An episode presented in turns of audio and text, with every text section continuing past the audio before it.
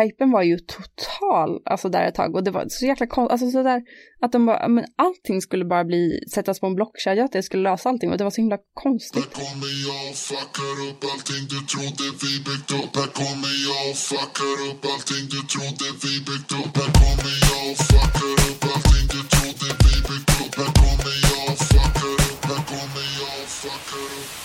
Hej och välkomna till podcasten Om och Men där vi reder ut det ni tycker är krångligt och krånglar till det ni trodde redan var utrett med mig, Vincent Flink Andenes. Med mig Beatrice Arkers. Yes, nu kör vi igång. Yeah, Hur är det med dig Bea? Vad har hänt sen sist? det är bra. Uh, ja, nice. jag, um, vad har hänt sen sist? Jag har varit på lite utflykter, det har varit nice. Faktiskt varit i Uppsala, Oh, wow, lärdomsstaden. ja, våra gamla hemtrakter. Exakt. Där vi uh, mötte varandra första gången. Stämmer bra, stämmer Ja, bra. ja. Eh, det var riktigt nice att vara tillbaka där. Ja, Har du varit där sen, uh, sen du flyttade liksom? alltså vad lustigt att du säger det för att jag, jag har varit där en gång och träffat en kompis Oscar som du båda känner. Ja, Men, men det är också länge sedan. Men häromdagen så, så la min kompis Taisia upp en story på Instagram. Där hon visar hur nära hon bor sitt favoritcafé. Mm. Och då filmar hon från att hon gick ut genom dörren Mm. och gick genom Gamla Uppsala. mm. Eller inte Gamla Uppsala, men alltså du vet den här vackra, ja, där det är eh, vackert i centrala- Uppsala. Ja, Ja, eh, precis. Eh, Den här gamla bebyggelsen i centrala Uppsala. Ja. Och, och då liksom filmade hon hela vägen, så, förbi alla nationer och Ja. kyrkan. Alltså det var så fint. Jag saknade Uppsala jättemycket när jag såg det där. Vilket café? Eh, det var typ något nytt. Det, det ligger liksom på eh, Sysslemansgatan, alltså typ vid Rosa Pantern. Det var nästan nyöppnat som har jättebra italienskt kaffe typ. Jaha, Jag tror det hette typ Boma, Bama. huh. spännande, Ja. spännande. Uh, ja, men det var det som var så här när man gick där, för jag, vet inte, man har, jag trodde att jag kom ihåg Uppsala liksom, men sen när man gick där så var det som att det var mm, så mycket som jag inte hade tänkt på, Mm. på så himla, alltså sen jag flyttade liksom, för jag flyttade väl kanske för två och ett halvt år sedan eller någonting, det var kanske senast jag var i Uppsala. Ja. Ehm, och det var, alltså det är så, det är så vackert. Ehm, Mm. Ja, Eh, det, det är en riktigt, det är en jäkligt fin stad liksom. Eh, så det var, det var jättekul att vara där. Jag var där med och hälsade på min lilla syster då, eh, som har börjat plugga där. Det var också bara riktigt kul att kunna typ så här visa henne massa grejer och sånt nu när hon bor där. Så Ja. ja. Fan vad nice. Ja, nej, men det var kul. Eh, sen så var jag i, um, i Skövde Häromveckan. du åkte runt. Ja, med vår, vår vän Cecilia. Ah, du nämnde namn. Ja. Oj, oj, oj. Har de givit sin tillåtelse eller? Nej, jag har inte frågat. Eh, Eh, kanske får göra det. Eh, men det var i alla fall kul, just eftersom vi har pratat om kloster och sånt. Ja, Eh, och vi var vid eh, det här klostret som jag Varnhem. Van. Ja, just det. Ja, Varnhem. Eh, det är mäktigt ju. Man ser, det är ju det är inte, klo, själva klostret är en ruin, men Ja. den kyrkan är kvar. Eh, och sen så var det faktiskt en annan väldigt cool ruin som var en ännu äldre kyrka från så här typ Jäklar. 900-talet. Oj, oj, oj, oj. Eh, Det var inte många hundra. och det var så här skelett och grejer som man kunde se och de, du vet, sånt som är kul också när man, som man har gjort med Boxningsmannen, att man har så här återskapat hur den ser ut i verkligheten, typ som en vaxdocka. Ja, just det. Ehm, ja, det var bara, det var, det var faktiskt jätteintressant. Fan vad coolt. Ja. Alltså jag, jag har blivit helt besatt av kloster på sistone. Ja. Det är nästan allt jag tänker på. Jag googlar olika kloster som jag vill åka till. Jag googlar som du pratade om det här Sina i Ja. öknen, Katarina-klostret. Ja. Jag har hittat något kloster i Turkiet som jag har planerar en resa till nu. Oh. Ehm, det finns ett i Finland som jag vill åka till. Det Va? så mycket kloster där ute. Vad är det för kloster i Finland då? Eh, det heter Vallamo. Mhm. Det ska vara jättevackert. Mm. Det är så här vitt och liksom, Och ligger det liksom norröver då? ja, norra Karelen. Oj! Före detta Ryssland. Är det ett liksom protestantiskt eller är det ortodoxt? Eller? Ja, det är precis som är ortodoxa. Ja. Så de har såna här lökkupoler och Ah. det är helt vita och blåa kyrkor så det ligger snö överallt liksom. Oj. Dit borde vi åka någon gång. Ja, nu blir jag jättenyfiken på det här. Ja. Ja, Men, men gud vad spännande. Ja, ja det är kloster är fan grejen. ja, ja, det är fan häftigt alltså. Ja, det var... Men vad har du gjort sen senast? Har du varit på några mer kloster? Eh, nej, alltså jag har typ inte gjort jättemycket uh, faktiskt. Jag har eh, fått besked om att jag ska bli uh, recensent på Svenska Dagbladet. Oh, Så det ska bli väldigt kul. vad kul. Ja, jag ska liksom börja skriva eh, kritik. Där. Eh, nice. Är det någonting du har velat liksom? Ja, eh, eller liksom, det är inte som att jag har typ sökt jobb eller sådär. Men eh, jag är väldigt glad. Det betyder att du får skriva ännu mer i Svenska Dagbladet och sånt liksom? Ja, exakt. Så det kan man eh, lite stay tuned för. Mm. Um, jag tror typ när det här avsnittet släpps så kommer nog min första recension släppas. Mm. Vet du, Ehm. har du läst boken eller så? Det är böcker du ska recensera? Ja, eller? precis, precis. Um, jag har läst, men jag, jag vet kanske inte om jag får berätta vilken det är. Så jag, jag ska kanske inte berätta det just nu, Nej. beroende på när det här avsnittet släpps. Ja. Men jag tror att det är ungefär då min första recension kommer. Den är färdigskriven och har läst. Gud vad spännande, grattis! Ja, eller bra jobbat liksom. Tack, ja men det känns faktiskt skitkul. Mm. Känns som att jag äntligen får lite framgång här i världen. Ja, Ja. ja men det, jag tänker, nu är, du är ju 30 nu, så härifrån, du, jag tänker att så här, ja men som kultur, kulturman så går det väl uppåt härifrån. Jo, men jag tänker kanske också. Det nog, du börjar få tyngd liksom, tänker jag. Ja, Kalle Tjock här också. Ja, Gammal Tjock. ja. Nej, men eh, alltså jag började ganska sent typ, med hela det här skriva och alltså jag menar, de flesta börjar ju när de är lite yngre. Alltså att de går någon så här liksom kulturell utbildning, kanske går Biskopsarna, så börjar de publicera sig när de är typ 22, 23 kanske. Jag började skriva i tidningar när jag var kanske 27. Ja, men det där är ändå, ja, det, det tycker jag är bra ändå. Eller att man har lite andra perspektiv och lite mer, eh, in, inte bara har levt i, i den världen.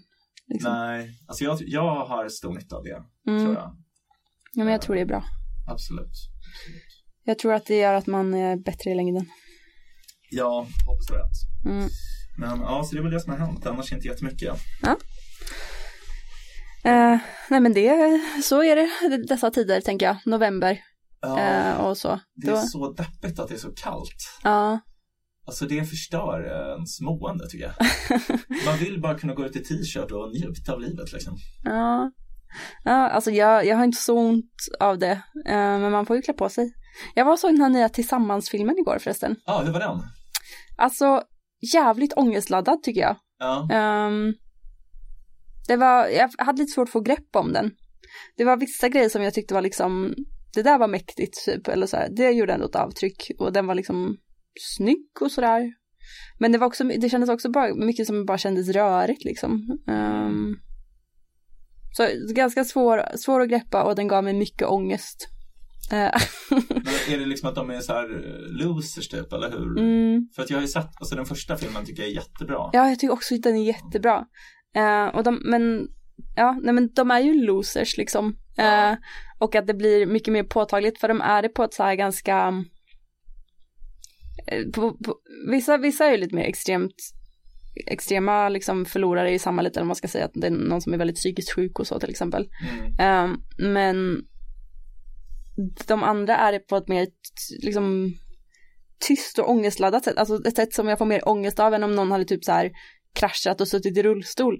Mer Ja. det här liksom, den, nå- någon sorts så här väldigt sakta förfall. Eh, och, Va- Vadå, nej men typ så här som att han, ehm, han, han som är typ, typ huvudrollen eller han Gustav Hammarsten eller vad han heter, ja, han den rödhåriga, Lasse, Lasse Ja. tror jag. Ja, eh, att han, han känns liksom så misslyckad bara liksom att han, eh, han på 70-talet då var det ju så här, det var liksom deras stora dröm det här att bo i kollektivet och det var så himla, Mm. ehm, det var en vision de hade, de trodde att de förändrade världen liksom och sådär. Ja, ja. Eh, och han, han kastade ut sin tjej ja, där när hon var otrogen och sådär. Eh, men sen så, han verkar ju inte haft någon tjej liksom sen han kastade ut henne liksom och det var 24 år sedan. Wow. Och han bor ensam med en annan gubbe nu. Han har inget jobb, han har jättesvårt att få jobb liksom. Mhm. Ehm, de har kvar sina så här Mao eh, planscher på väggarna i sitt kollektiv. Wow.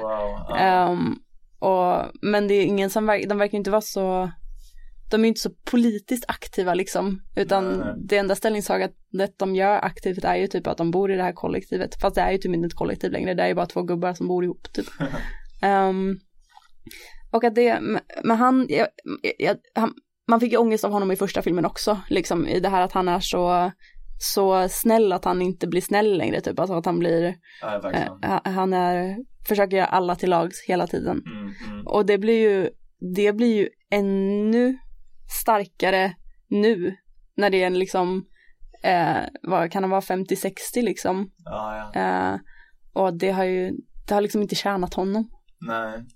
Fan, jag tycker ändå man blir taggad på att se filmen när du pratar om den. Eller, den, den låter väldigt spännande liksom ändå. Ja, ja men det, det är mycket sånt, sånt eh, som man får eh, snappa upp på. Men som sagt, ja, eh, väldigt, eh, väldigt ångest, alltså jag ångrar inte att jag såg den, men, men det var som sagt, jag tyckte det var ångestfyllt att se den. Den var deppig liksom. Ja, men, men det, eh, och inte helt igenom liksom så, utan det fanns liksom, jag tycker slutet var bra. På samma sätt som slutet i första filmen är bra på något sätt. Att det är, Jag minns typ inte, det är att alla spelar fotboll, är det inte det så? ja, typ, jag tror antingen om det är att de spelar fotboll eller att de har snöbollskrig, jag kommer inte ihåg. Ja, okej. Eh, och så spelar Abbas SOS. Hur går den? Eh, jag vill inte sjunga. Jo. Eh, det är den... ehm, Where are those happy days? They seem so hard to find. Ja, Ja. just det. så jävla bra, jag älskar Den är så jävla bra ja. Ja, ja, precis. Ja. Fan, Ja. Abba är bra alltså. Ah, gud. Ja. Ja, men jag tycker han verkar vara ett geni. Alltså tillsammans väl han, och sen har han väl också gjort, är det han som har gjort Fucking Åmål? Mm. För den är också så jävla bra. Den är ännu bättre egentligen tycker jag. Mm. Ehm, Jag tyckte mer om Tillsammans. Men ja, men den är bra. Men för det är den med den här tjejen som är gay, eller hur? Absolut. barn, Ja. liksom. ja. Ja. Den är jävligt bra. Mm. Mm. Ja. Och han har gjort Lilja Forever också, tror jag. Jag har inte sett Det, den. där snackar vi ångest alltså. Men det är en no trafficking-film. Ja. ja. Jag har inte sett den. Ja. Jag har inte sett den serien han har gjort heller. Det är nog den mörkaste filmen jag har sett, typ. Lilja. Lilja Forever. Ja. Ja. Ja, gud. Ja, det är hemskt. Ja. Med människohandel. Mm. Det. Det, ja. Eh, ja. Ska vi gå över på dagens ämne då? Ja, men det tycker jag. Vad är dagens ämne, Beatrice Erkers? Going Infinite. Yeah. Det är en eh, ny bok av Michael Lewis och eh, som handlar om eh, eh, Sam Bankman-Fried. Den här kryptomiljardären som hade ett litet, eh, får man säga, en liten nedgång senaste året. Kan man Eh, säga. Ja.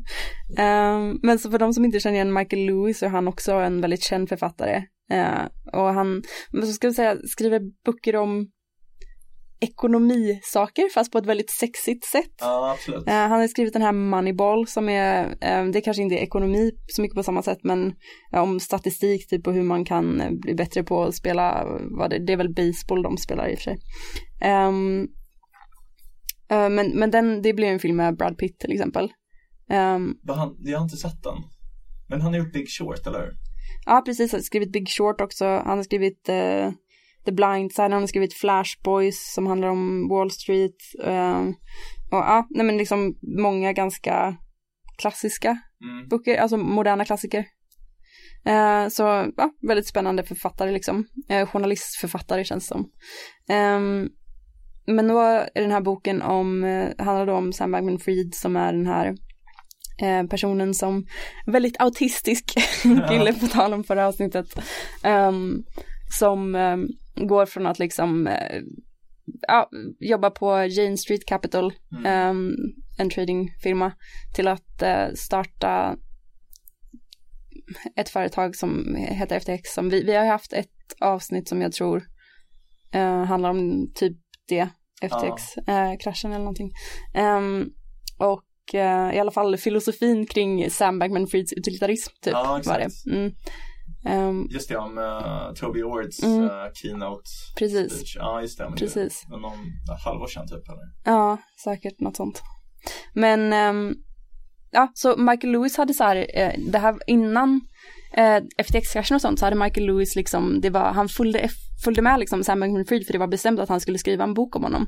Så han hade ju börjat skriva på boken och liksom var med Sam Bankman-Fried i, i allt han gjorde. Mm. Ehm, Och sen, sen var det bara en slump att det här hände. Ja. hur? Mitt under hans arbetsprocess. precis, precis. Sjukt ändå.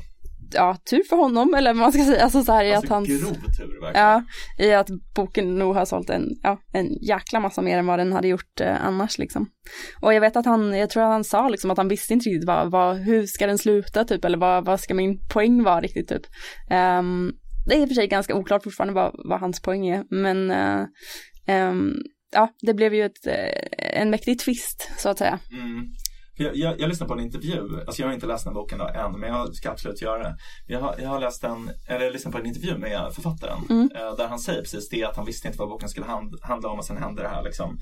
Eh, men jag tyckte att han, han verkar ändå vara mycket mer positivt inställd till Bankman Fried. Men det är det som är, det är nog det mest irriterande med hela boken skulle jag säga.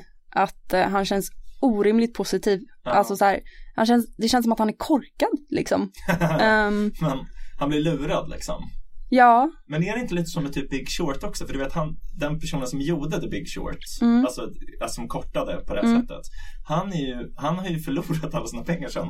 För att han är ju inte, alltså han, han har gjort massor av sådana här, det var bara en händelse som det var rätt den gången. men det, det är det jag tycker nog är ganska irriterande med Michael Lewis generellt. Han känns, han är jättebra på att liksom berätta, göra allting till en story typ. Alltså Ja. så här att det blir, det är jätteunderhållande att läsa, verkligen. Men det känns inte som att det är så sanningssökande. Nej.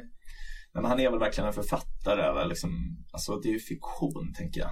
Ja, det var en, en recension jag läste där de beskrev som att han hade Stockholm syndrome. Det tycker jag var väldigt, eh, det var den bästa Men sammanfattningen. varför har han för att han är väl inte, eller liksom, Nej, han är ju inte kidnappad eller någonting, men han hänger ju med Sam hela tiden liksom. Ah. Och att han tar hans perspektiv på mycket. och på ett sätt så är han tillfångatagen för att jag menar, det beror ju på, hans inkomst det beror ju på Sam Bankman-Frieds, hur intressant Sam Bankman-Fried är. Så han vill ju att Sam Bankman-Fried ska vara jätteintressant för att sälja fler böcker, tänker jag. Ja, Om man bara skrev ännu en bok som fördömer honom kanske folk inte skulle vara lika intresserade. ja, nej, det är sant, det är sant. Um, ja, men att han verkar ha blivit kompis med honom, typ. Ja, ja. Ja, helt enkelt. Men det är, um, ah, det, det är mycket som är ganska konstigt. Man kan säga att boken är liksom i två, två delar i princip. Där en är liksom beskriver Sam Bankman-Frieds um, SPF kommer jag kalla honom efteråt, eh, Ja. härifrån. Eh, S, Sound Ehm. protection factor. exakt.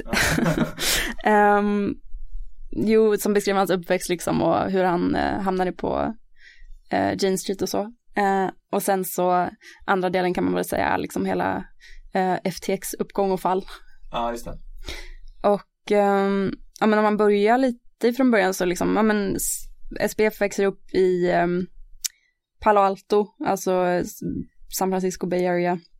Eh, och hans eh, föräldrar är båda eh, law professors på Stanford, så väldigt så här, extremt akademisk familj. Mm, Eh, han verkar ha varit ett väldigt autistiskt barn mm, på, på tal eh, om, eh, om autism återigen. Eh, han liksom, eh, de, de firar typ inte födelsedagar i hans familj till exempel. Eh, och de, de eh, eh, trodde, det var liksom, föräldrarna var inte, man försökte inte få barnen att tro på tomten eller någonting sånt liksom. Att det var, ehm, och han hade svårt att få vänner i skolan och sådär. Och, men det var när han började på typ maths camp och sånt och sen på när han pluggade på MIT som han typ fick lite kompisar.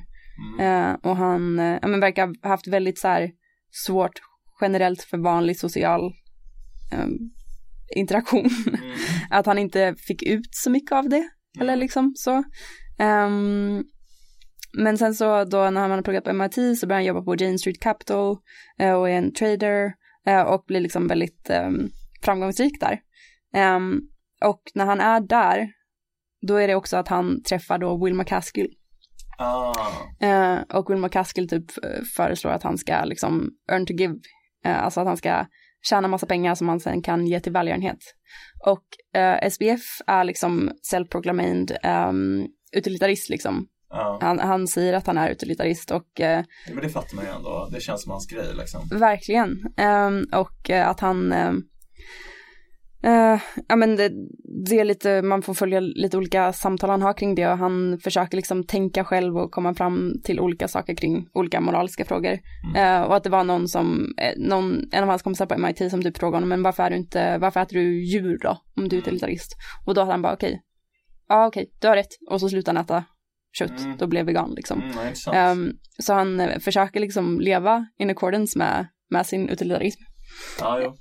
Men samtidigt så verkar han bara vara, du vet, eh, men som vi pratade om att han, han verkar inte vara så snäll kanske mot alltså folk i sin närhet, är min, min upplevelse. Eh, han verkar ha väldigt svårt att liksom, eh, det är en återkommande grej i boken att han pratar om att han har svårt att, alltså han känner inget, typ. Ehm, att han är väldigt, ehm, Han har liksom flacka affekter sådär. De är inte så starka som, eller vadå, han känner inget liksom. ehm, det, det verkar inte som att han känner så mycket, att han mer bara resonerar liksom. Det var något exempel på när hennes, hans mamma tog honom till Six Flags när han var liten och han typ ehm, frågade, typ, han tänkte okej, jag jag försöker göra det för att vara snäll mot mamma då, typ, och sådär. Ja. Men till slut så var det så här bara, nej men vi åker hem, det Ungen hatar det, typ. Ja. ja, eh, och att det var, att han också fick något så här, det var någon gång när han verkade typ, när han hade det svårt i, i, eh, i skolan och så socialt, att han typ grät för att han inte kände någon, alltså jag vet inte. Men då blir- måste man ju varit ledsen i varje fall om man grät. ja, Han precis. resonerade sig fram till tårar liksom. Ja, nej, men då, då blev det väl att, men just att det har byggts på så himla länge att bara inte känna sig delaktig i någonting kanske. Ah. Alltså, ja, jag, vet, jag vet inte, det, han verkar känna sig som en alien ja, ganska mycket, om, om, i den mån han känner liksom, så verkar han känna sig som en alien och inte, Som att han är hemma liksom. ja, Fan vad intressant ändå. men också, så han är liksom en, en sån konstig um, mix av olika saker, för det är ju så här att han gör de här sakerna som man tänker är så extremt liksom godhjärtade och snälla som att liksom eh, försöka, ja men att han är vegan av, då tänker man ju att det är av empati till djur liksom eller så. Mm. Eh, och det är, det är ju rationell empati, eller att han har liksom intellektuellt eh, resonerat sig fram till, till det. Mm. Ehm, men samtidigt så är han typ ganska, tycker man, inte så snäll mot människor i hans närhet. Det är något exempel på när han är lite elak mot någon han jobbar med och att det är så här, de tog upp, hans chefer på Jane Street tog upp det med honom, typ att så här, det här eh, är inte okej, Mm. typ. Men han hade tyckt att, men jag bevisar ju bara min poäng, typ, eller så här, att det var, Ah, ja, ja. Ehm, ja. och det, man får ju följa, eh, han har ju ett liksom on-off förhållande med en, eh, en, en tjej som heter Caroline Ellison som var eh, CEO på Alameda Research som är, Kopplad. ja, så, så först eh, när, när Sam lämnade Jane Street Capital så grundade han först Alameda Research tillsammans med några andra EA-personer Ja. och ehm, de skulle trada liksom kryptotrading. Um, och ehm, det, Handla med kryptovalutor liksom. precis. Ehm, och det gick ganska bra, men det blev något sorts falling out, liksom att de bråkade Mm. Med de här. Och det är också så här att det är så irriterande i boken när Michael Lewis ska beskriva typ, eh, Mm. det är som att han, dels så beskriver han alla i Sams inre cirkel som så här the effective altruists. Aha. Alltså att ja. man bara va? Det, det är ju, the effective altruist tänker jag är så här, det är ju, alltså dels det är ju hur många, ja alltså det är ju en rör, alltså så här rörelse, det är ja, inte, ja, jag vet inte. liksom tusentals människor. Så här. Ja, eh, och då blir det så här, när han, för det här är när han pratar om liksom de olika grupperna inom FTX, då Ja. beskriver han den inre cirkeln som the effective altruist, typ så här Sam och Caroline och eh, Nish, Nishad eller Nishal eller vad han heter. Det är också Eh, ganska dålig etikett för människor. Man borde inte säga, man borde säga liksom people involved in the effective altruism community mer. ja men precis. För det är lite så här douchigt att säga så här, ja, we're the effective altruists. det är som att man så här definierar sig själva som de som är effektiva. Det är så lite knäppt typ. Ja, alltså jag, jag, jag vet inte, det var, det var nog det jag såg mig mest på i hela boken i alla fall. Ehm, men att han, eh, Men är det så här mycket typ att de, han så här klagar på att de andra kunde inte hantera hur han var, typ så här, han var så effektiv, typ att det var det som var problemet med deras falling out, att folk inte kunde hantera honom typ. det var att han var, framförallt att han var mer risktagande än andra. Ja, För att han var kalkylerande i det, typ, ofta, alltså att han tyckte att det var ofta värt att ta riskerna. Men, eller det är så jag tolkar det. Eh, att, eh, att han verkar ha varit mycket mer risk, vilja ta risker än, än de andra. Mm. Eh, och jag tror ju att, eh, jag tror ju på de andras version eh, mycket mer än på Sams version liksom. Eh, så jag tror att antagligen var, ehm, ja, det, det är också en sån rolig grej, eller irriterande grej i, i boken att eh, eh, Michael Lewis typ skriver om så här, the effective altruism shark loans, typ för att så här, de, de som, det slutar med att Sam behöver liksom köpa ut de andra ur Alameda. Ja, ja. Eh, och att då, ja, att de ville ha något sorts eh, avgångsvederlag då eller något sånt. ja. Eh, ja, och att då, då i Michael Lewis värld så är det som att det är synd om Sam typ. Eh, Ah. Att the effective altruists are taking all his money. Eh, ja. Men i alla fall så, eh, Sam grundar ju det här FTX också då som är en, en Vad, stå, vad står det för? Jag har aldrig fattat det. Eh, jag vet inte vad det står för. Ehm, men det kan jag nästan googla nu då. Ehm, men det är ehm, ehm, i alla fall att short for futures exchange står det. Ah, okej. Eh, men det är i alla fall en, en crypto exchange, alltså så här, vad, vad säger man? Ehm, på, En börs för Ja, precis, precis. Tack. Ehm, eh, och det som då, um, hela den här kraschen som har hänt nu, Mm. eh, det var ju att, det var, det, folk tyckte ju det var konstigt när det var, liksom, hände också, att, ehm, att Sam var på både Alameda Research, Mm. som var en trading, ett trading, kryptotradingbolag, Mm. och han var på FTX som var en exchange. Eh, så det, han avgick ju från, alltså så här officiellt från Alameda och man sa ju så här utåt att nej men Sam har ingenting med Alameda att göra längre typ, eller han är inte aktiv i eh, så. Eh, men sen när det visade det sig att Alameda fick, tog ju pengar från FTX hela tiden, alltså så här om, Ja. så de behövde, de hade lite olika krascher och, och låtsas som de behövde så här Mm. ehm, fixa. Eh, och då fick de hela tiden mer pengar från FTX. Mm. Och då visade det, alltså det var också då kunders pengar helt enkelt. Så det är 8 miljarder eh, skulder blir det till slut. Alltså att de, fort, de har, det är 8 miljarder dollar som Ja. de inte har betalat tillbaks till folk som Nej. hade sina pengar på FTX. Ja, det är otroligt dåligt. Alltså, det är lite svårt att förstå kanske om man inte är inne i den här världen. Men alltså, man kan säga att det är ungefär som om typ eh, alltså de som styrde Stockholmsbörsen också styrde Investor. Eller alltså, det, det går inte ens att föreställa sig hur det skulle kunna, för det är det är så otroligt reglerat, andra börser. Mm. Det här var ju egentligen bara en hemsida, så här, det var inte reglerat på det sättet som en riktig börs är. Liksom. Ja men precis, och det är ju det som är och har varit med krypto generellt att det är liksom vilda västern lite för Ja. det är pengar och man tradar med pengar liksom. Men, men det regleras inte som pengar för det är inte, Nej. ja, det, det är inte klassificerat som det. Så du, du har inte alls de här säkerhetsåtgärderna och alla liksom regleringar som finns i vanliga finansmarknaden. Ja, nej, alltså det är liksom det är typ en omsättning som är typ lika stor som Stockholmsbörsen, den som är reglerad lika mycket som Flashback liksom. Mm, Vilket bara är helt knäppt liksom. mm, Ingen, det finns typ ingen insyn och allting är typ insider trading. mm. Ja.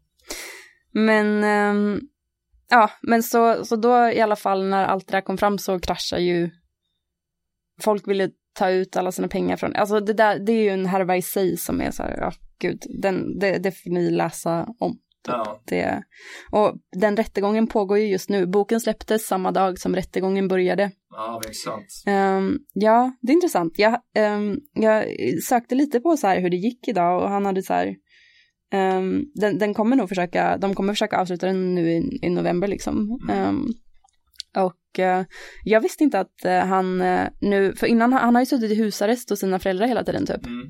Eh, men nu så har han tydligen, nu sitter han i fängelse för att han har brutit sin husarrest liksom, brutit mot Mhm. reglerna. Så nu, nu sitter han i, ehm, Varför bröt han det? Är Helt idiotiskt. nej men han, han, verk, alltså, han verkar ju lite dum i huvudet. Alltså, han, det är det som är så här, Förstår han inte att han kommer hamna i fängelse? men han, han, dels så påstår han ju att han är oskyldig fortfarande. Att han inte visste vad han hade gjort, att det var så här bad accounting typ.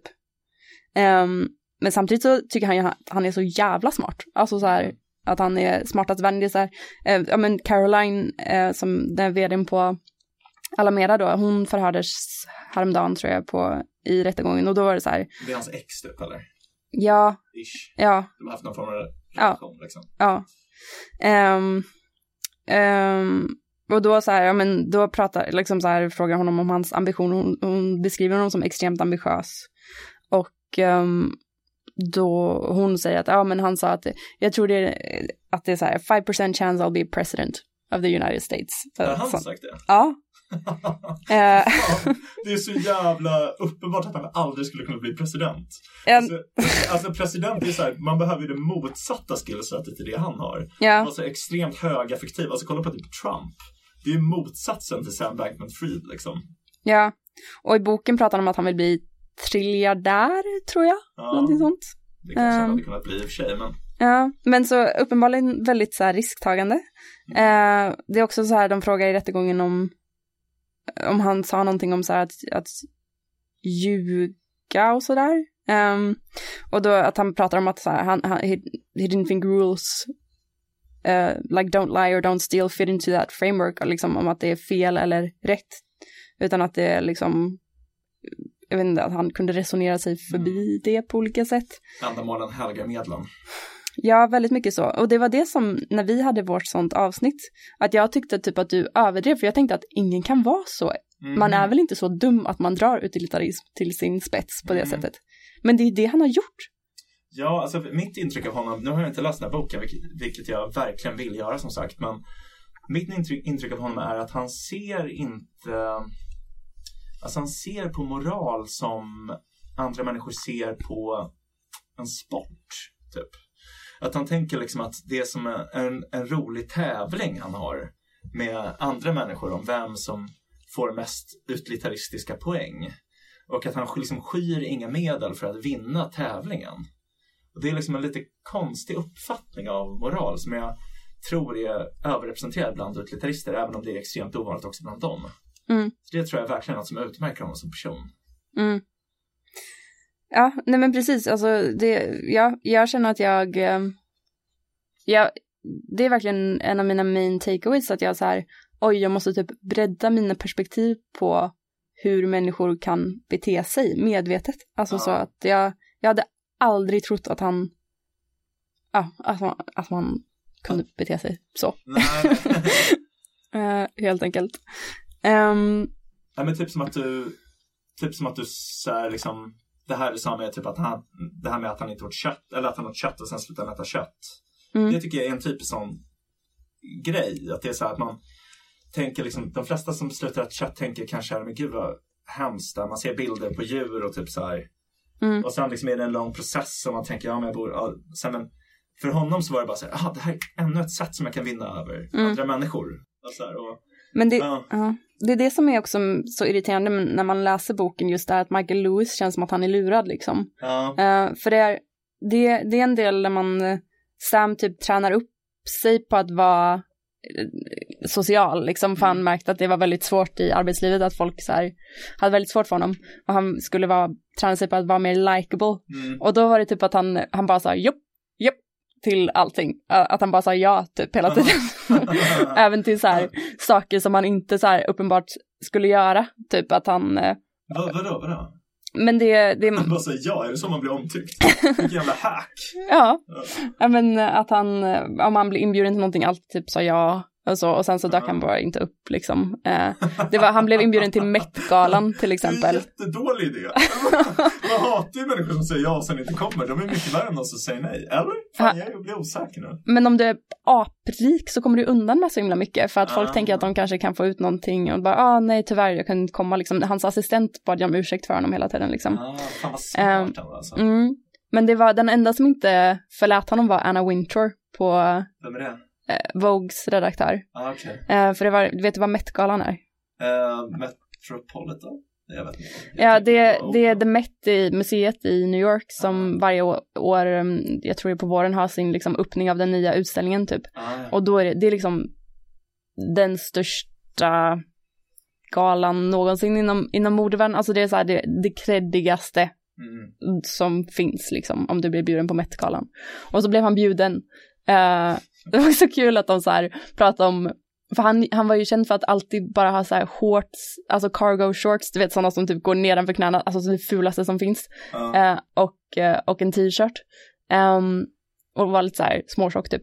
Eh, och så eh, hade typ så här Louis Vuitton specialgjort ett par så här cargo shorts och t-shirt till honom för, för galan att han skulle kunna dyka upp där.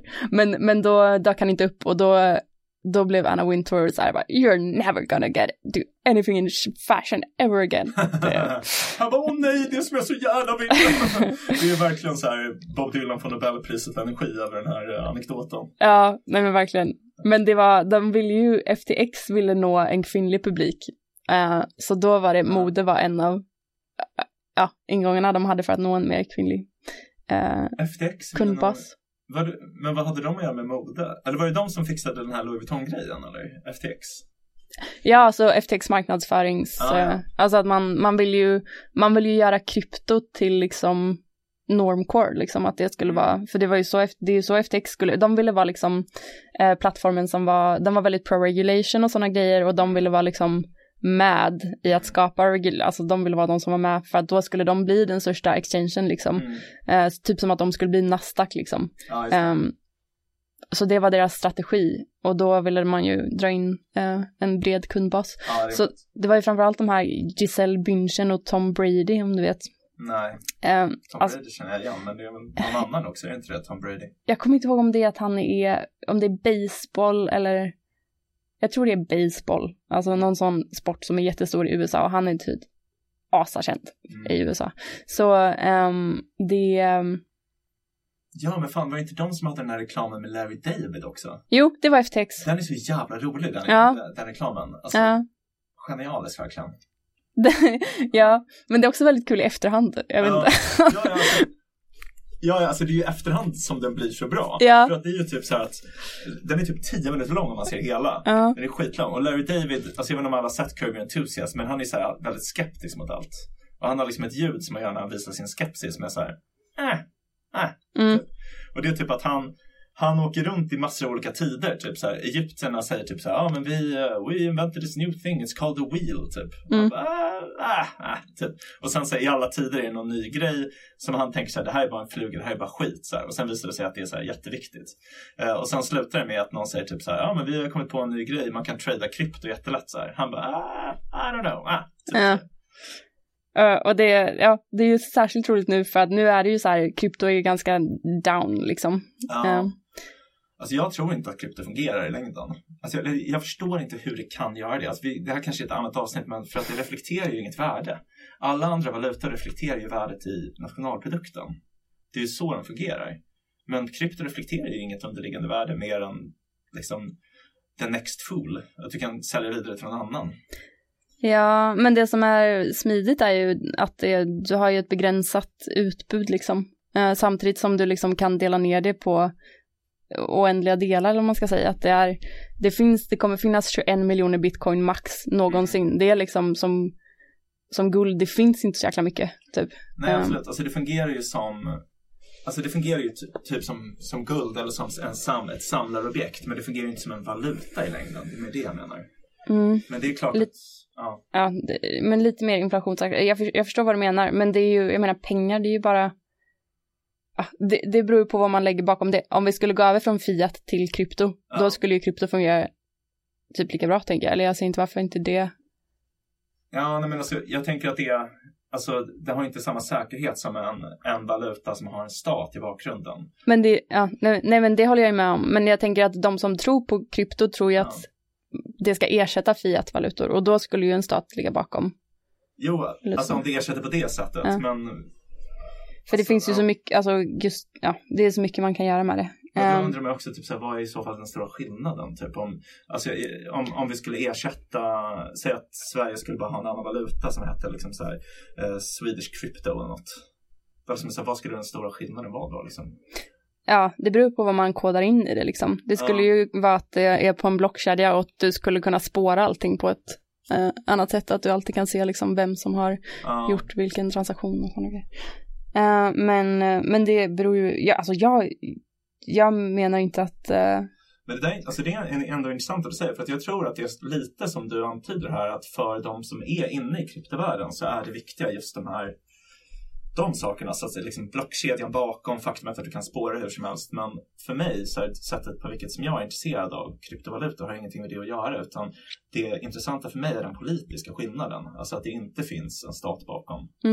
Eh, För att jag skulle verkligen vilja att det fanns valutor som inte var backade av en stat. mm, Eh, Men jag tror inte att det är möjligt. Mm. Så, att, så, att, så att när du säger typ så här, ja, men att, alltså man tänker att de ska ersätta fiatvalutor, att en stat ska ta över, då är det lite så här, men då är ju hela vitsen med kryptovalutan försvunnen. Men samtidigt, jag inser ju att det finns andra aspekter med det också. hypen var ju total, alltså där ett tag och det var så jäkla konstigt, alltså sådär, Gud, alltså jag att vet de bara, det- men, alltså allting skulle skulle bara bli, sättas på en ju blockkedja att det skulle lösa allting och det var så total, där alltså ett tag och det var så jäkla konstigt, alltså sådär att de bara, men allting skulle bara bli, sättas på en blockkedja att det skulle lösa allting och det var så himla konstigt. Mm. Men, ehm, men det har ju lugnat ner sig lite i alla fall. Och jag vet inte vad jag tror om det, om liksom framtiden eller så.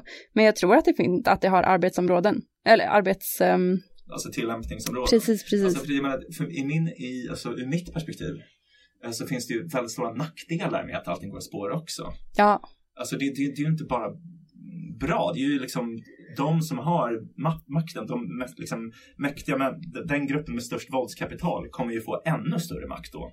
Men- men det är ju det som är, ehm, det är ju fortfarande anonymt till stor del, även om du kan spåra det till den walleten liksom. Ehm, så, så det är ju ett av argumenten för krypto är ju att det är typ, alltså just typ bitcoin är ju att det är väldigt anonymt. Ehm, att eh, om du försöker fly från Venezuela så kan du, du kan, du kan ha krypto om du kommer ihåg koden till din liksom wallet, men du kan inte ha typ, du kan inte bära med dig guld eller liksom, Mm. och pengar har antagligen liksom, dels eh, den Venezuelas valuta har kraschat totalt liksom och Ja, eh, att, ja, att det är ett argument för att, eh, för att eh, det är bra liksom med, med bitcoin, att det är anonymt. Ja, och det är för sig bra. Så det är liksom på det sättet, det är, det är lite mer som cash då. Jag tänker cash är också så liksom att, Ja, precis. ja. Men du kan, ja, ja det, men det, mm, det är komplext. Ehm, men det är i alla fall irriterande att, att man upplever att Michael Lewis liksom blir lurad hela tiden. Eller att han bara är liksom lite dum, typ. Att, eh, att han, för det är verkligen att han typ i boken som att han inte tror att Sam har begått några brott liksom. Mm. Eh, och nu i efterhand så tror jag att han har sagt att han nog, alltså att, att det som kommer fram i rättegångarna var lite värre än vad han hade trott, liksom. Mm. Eh, så jag hoppas att han typ, jag vet inte, ja, bara fattar lite för det är bara så irriterande. Ehm, mm, men så det är nog bra att tänka på och ha i åtanke om man läser boken, liksom att det, ja. det är lite Stockholmssyndrom. Alltså jag har dålig koll på liksom verkligen exakt vad han har gjort, men jag tror eh, Alltså jag tror på, på ett sätt, jag, läs, jag lyssnade på en intervju med honom då och då sa han så här att ja, men det är som kritikerstorm nu och att jag inte är lika negativ. Mm. Och på ett sätt så tror jag att det är en ganska bra inställning att det är typ så här om man är, om man läser om Sam Bankman-Fried och är extremt kritisk, då borde man ändå vara medveten om typ så här att ja, men alla är extremt kritiska nu, det kan ha påverkat lite vad jag tycker. Typ. Mm. Ehm, speciellt när man inte har ägnat jättemycket tid och vet exakt vad som är på bordet. Så, här. Mm. Ehm, så ja, jag vet inte. Ja, det är, jag var inne på det att ett av de, eh, det som urskiljer honom är att han är så extremt risktagande. Det är också, han, han blir ju amfetaminberoende Mm. eh, Mm. också. Det, det sa du Ja, och jobbar extremt, eftersom han jobbar typ 24-7 liksom. Eh, och det är någon, jag kommer inte ihåg, ehm, men det är faktiskt Scott Alexander som skrev någon post om liksom försökte break down exakt, för man, de har sett på typ så här, du vet man har sett intervjuer på Sam, dels så sitter han och liksom vaggar liksom, ehm, Mm. och, ehm, och att man, de har liksom zoomat in på typ vad, vilka pillerburkar han har eh, på skrivbordet och sånt. Och sett, och då kommer jag ihåg att det var någon av de grejerna han tog som var så här, den här grejen gör att du får liksom, att du blir mer risktagande. Eh, alltså det var inte, det var inte det som var huvudpoängen med medicineringen, utan det var en av biverkningarna. Ah, Ehm, intressant. men det var någon form av ADHD-medicin eller Ja. någon sorts eh, amfetamingrej. Ja. Eh, det, du som, som läkare, det, det finns sån med, medicinering som har de Absolut. biverkningarna. Absolut, alltså, det är väl egentligen det mesta amfetaminliknande. Alla nästan amfetaminderivat gör det nog mer risktagande skulle jag säga, absolut. Mm, Ehm, man blir ju också så av kaffe. ja. Det Alltså. pratade, det pratade vi om senast ju. ja, att man Kommer blir, vi- ja just det, vi sa någonting, men jag kommer inte ihåg vad det var. Nej men det var, eh, det var en eh, gemensam kompis eh, som sa att han inte brukar dricka kaffe. Ja. Men så hade han prövat dricka kaffe för första Just gången länge. ja. Och att han upplevde det som att han var mycket mer så här framfusig i samtalet. Mm. Än vad han eh, normalt är liksom. Mm. Ehm, Mm. Ja. ja, men just det. Men det känns ju som en dålig idé om man är väldigt risktagande från början. Ja, då ska man hålla sig undan amfetamin kanske. Och, och där är ju också en sån grej på bara så här en dåligt skött organisation liksom. Mm. Det, han hade inte haft så mycket kontroll och makt om de inte hade varit så extremt dåligt skötta i Mm. organisationen. Alltså så här, men då hade ju makten varit liksom eh, fördelad på ett helt annat sätt. Att det inte hade varit one player um, has veto liksom, utan Nej. Men, men FTX var liksom, de rekryterade styrelsen utifrån typ vilka som bara skulle Mm. säga ja, typ, och inte vara så, Mm. eh, De vill bara ha ja-sägare liksom. ja, och att, Ja, eh, farligt alltså. och att det var så här, typ, de pratar mycket i boken om att det bara så här, massa, massa ungdomar som, alltså det är typ ingen över 30 liksom. Eh, Mm. SPF var väl 30, 31 då när allt det här kraschade liksom. Mm. Eh, så då hade han ju som 29-åring varit, han var den rikaste i världen under 30 Mm. då liksom. Ehm, men ehm, det är också lite kul med, um, återigen på tal om autism då, att eh, det är ett stycke där de pratar om hans interaktion med uh, Wilma Caskill, Mm. där Wilma Caskill har sagt att i IA är det typ jag tror det är tio gånger fler autist, eh, alltså att autister är representerade. För han känns ju verkligen inte alls autistisk. Nej. Will McCaskill. Nej. Eh, det här hamnade jag i en diskussion med en, eh, en kompis som, eh, samma som du pratade Ah, om ja. precis. Och att jag tror att Wilma Caskill absolut kan ha sagt så, medan den här personen menar att han inte kan ha sagt så, att det måste Ja. vara en felcitering. Men jag tror absolut att en ung karismatisk Wilma Caskill kan ha slängt ur sig något sånt där. Vad sa han då? Att, det är, att det är tio gånger fler autister i Jaha, det. Ja. Ja. Ehm, ja. Var, Eh. varför inte eller? Nej men för att eh, då menar den här personen att det är liksom att det är, det är så dumt och att han, jag tror han tolkar det också bokstavligt. Alltså Ja. att han tänker, ja, nej men det finns det ju ingen undersökning på att exakt Ah. så mycket, han är ju lite åt det autistiska hållet själv. Ja, Eh, okej. Ja, i och för- sig, alltså, jag vet ingenting om McCaskill. Det kanske är orimligt, men det är nog inte orimligt att det skulle vara så. Men jag tror inte att det är orimligt att han, att han har sagt så för att ehm, jag tänker som sagt han var, då var Wilma Caskill också typ 25 eh, eller något eh, och att han så här ville rekrytera en autist till liksom communityt typ. Eh, att man då försöker liksom ställa sig in. Ehm, Men det är intressant att han har fått sånt inflytande för att jag tänker att han är så himla, han verkar vara en så bra person. Mm, Fast det undrar man ju då om han, om han haft inflytande över det här också bedrägeriet. eh, absolut, jag tror absolut inte att han har haft något med bedrägeriet att göra. Ehm, däremot är det ju andra saker som man kan tycka är lite så här, mm.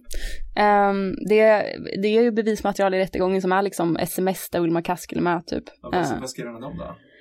Eh, nej men det är, mm, alltså det har ju inte om bedrägeriet att göra utan det är mer om så här, eh, för, för, för FTX startade FTX Future Fund Mm. som var en, eh, en fond som gav ut en massa pengar till liksom välgörenhetsprojekt inom long termism som vi har pratat om tidigare.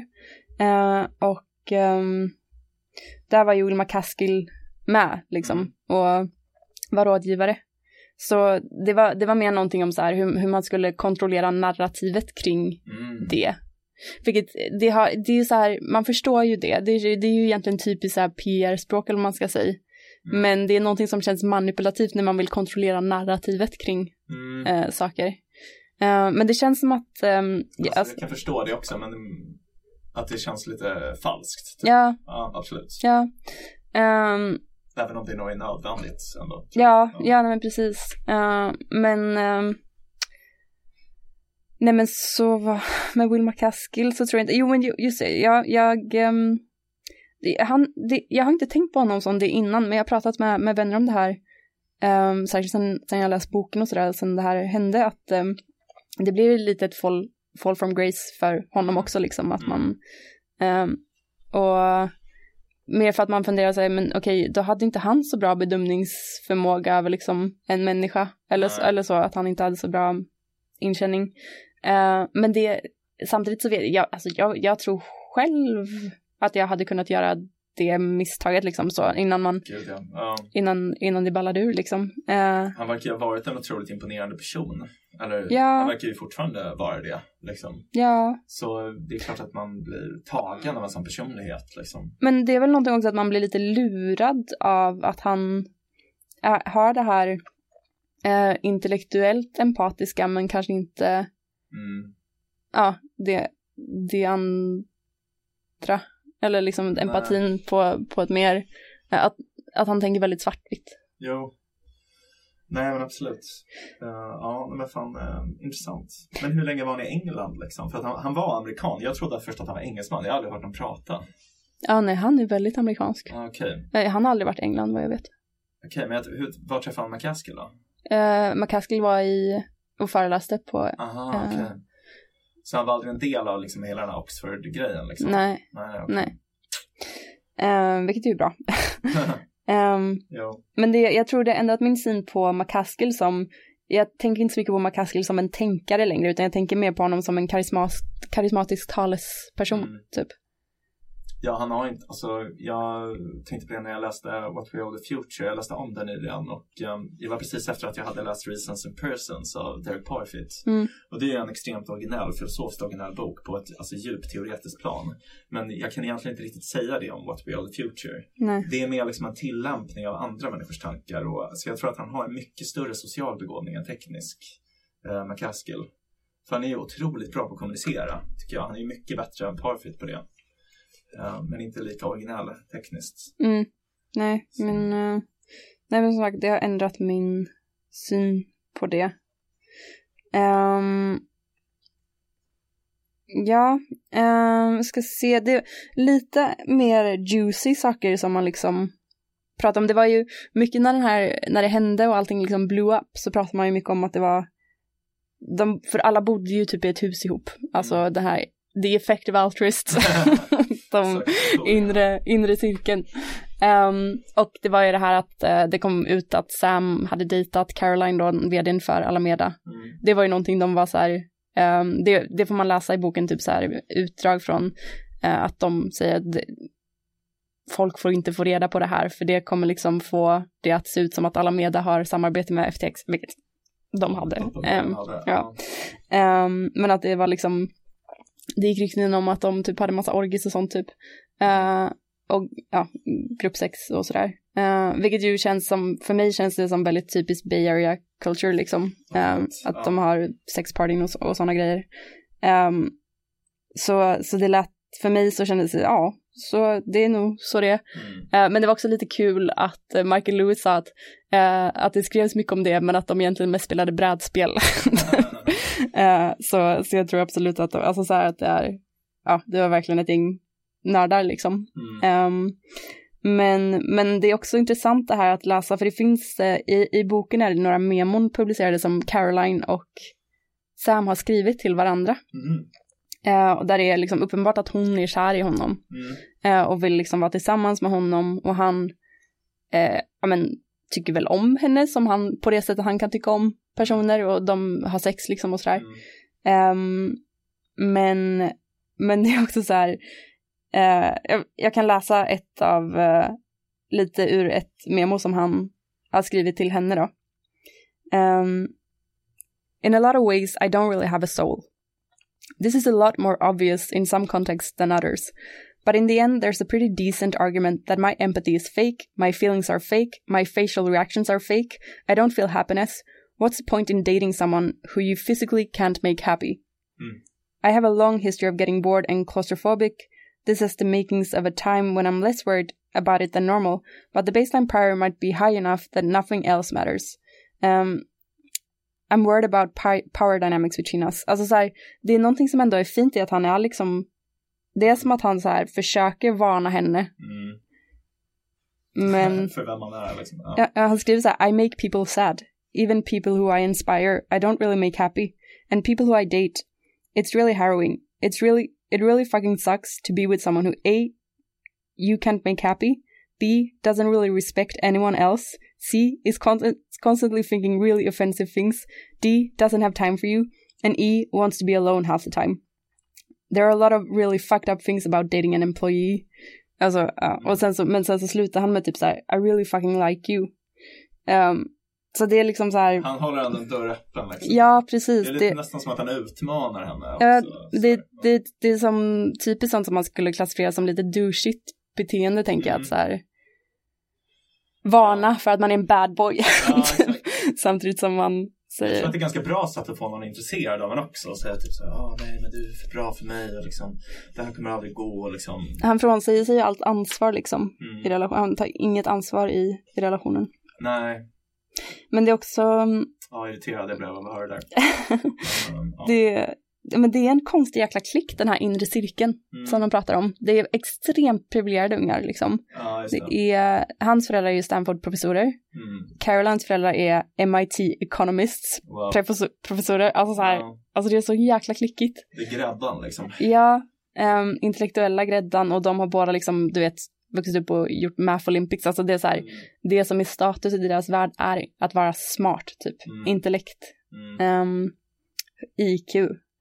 Eh, och, ja, och det är, det är liksom ganska hjärteskärande dock att läsa Carolines memon till Sam, typ, för att man, hon, hon är kär i honom liksom. Mm. Och det är liksom fint typ. Ehm, sen så, som, som, som tur var så tar det slut och så, men han, hon vill ju typ att de ska bli publika med deras relation. Hon är så här, men jag behöver inte vara CEO för alla med eller så, typ. Ja, Men- Hon är beredd att offra, men han är liksom inte beredd att offra något.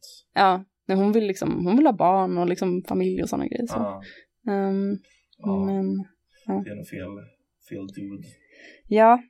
Men så överlag känner jag, jag blir lite mer skeptisk mot människor. Okej, du känner dig liksom mer på din vakt nu efter att ha läst det här, eller? Ja. Intressant. Hmm. För att jag, jag, eh, jag hade nog en personlig liten resa med just Sam, alltså så här på väldigt litet plan då, men jag, jag tyckte, han var lite så här att jag idoliserade honom lite, typ att jag tyckte, gud vad, vad snäll och smart och söt han är, typ. Mm. Ehm, tyckte han verkar supersympatisk. Mm. Eh, lyssnade på poddar med honom och försvarade honom på kryptokonferenser.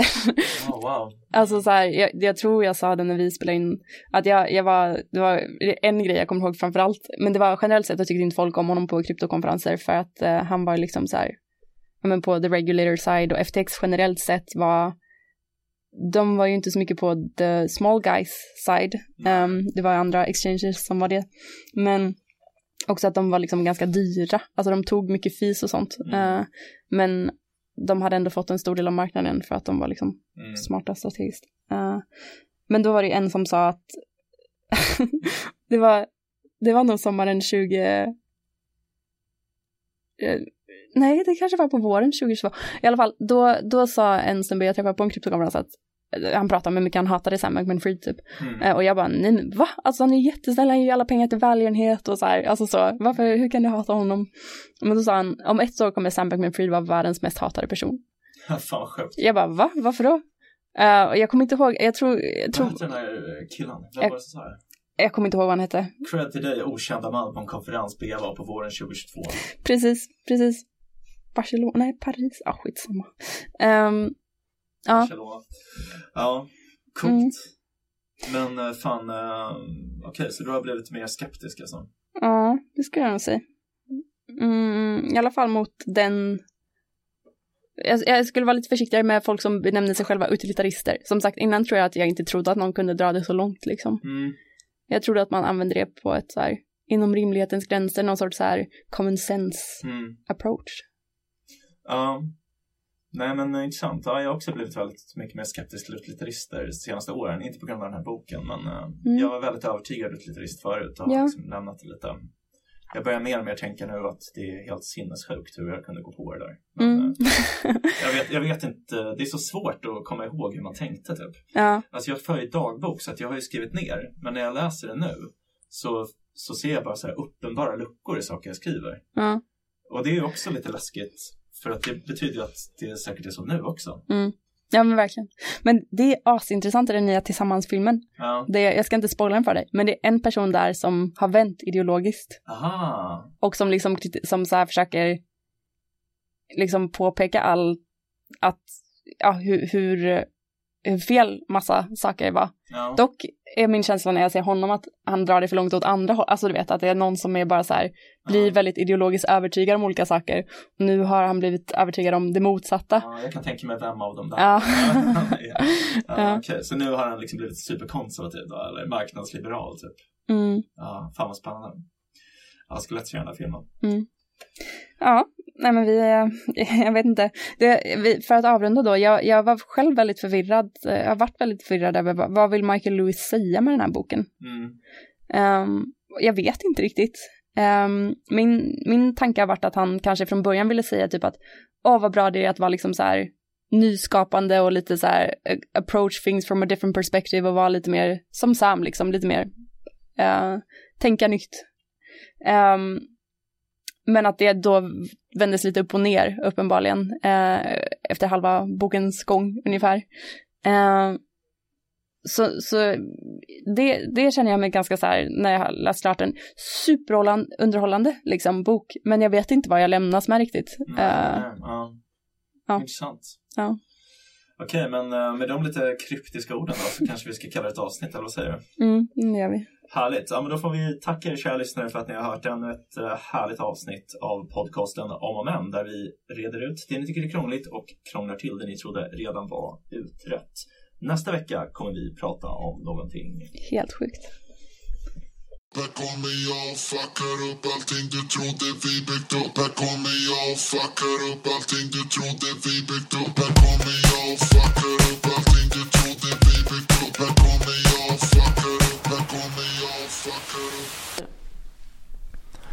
Du har lyssnat på podcasten Om och Men med mig, Vincent Flink Amlenäs och med Beatrice Erkers. Om du har några frågor eller förslag på någonting vi kan prata om i programmet kan du nå oss på mejladressen omochmän.gmail.com omochmän.gmail.com Vi kommer svara på alla mejl.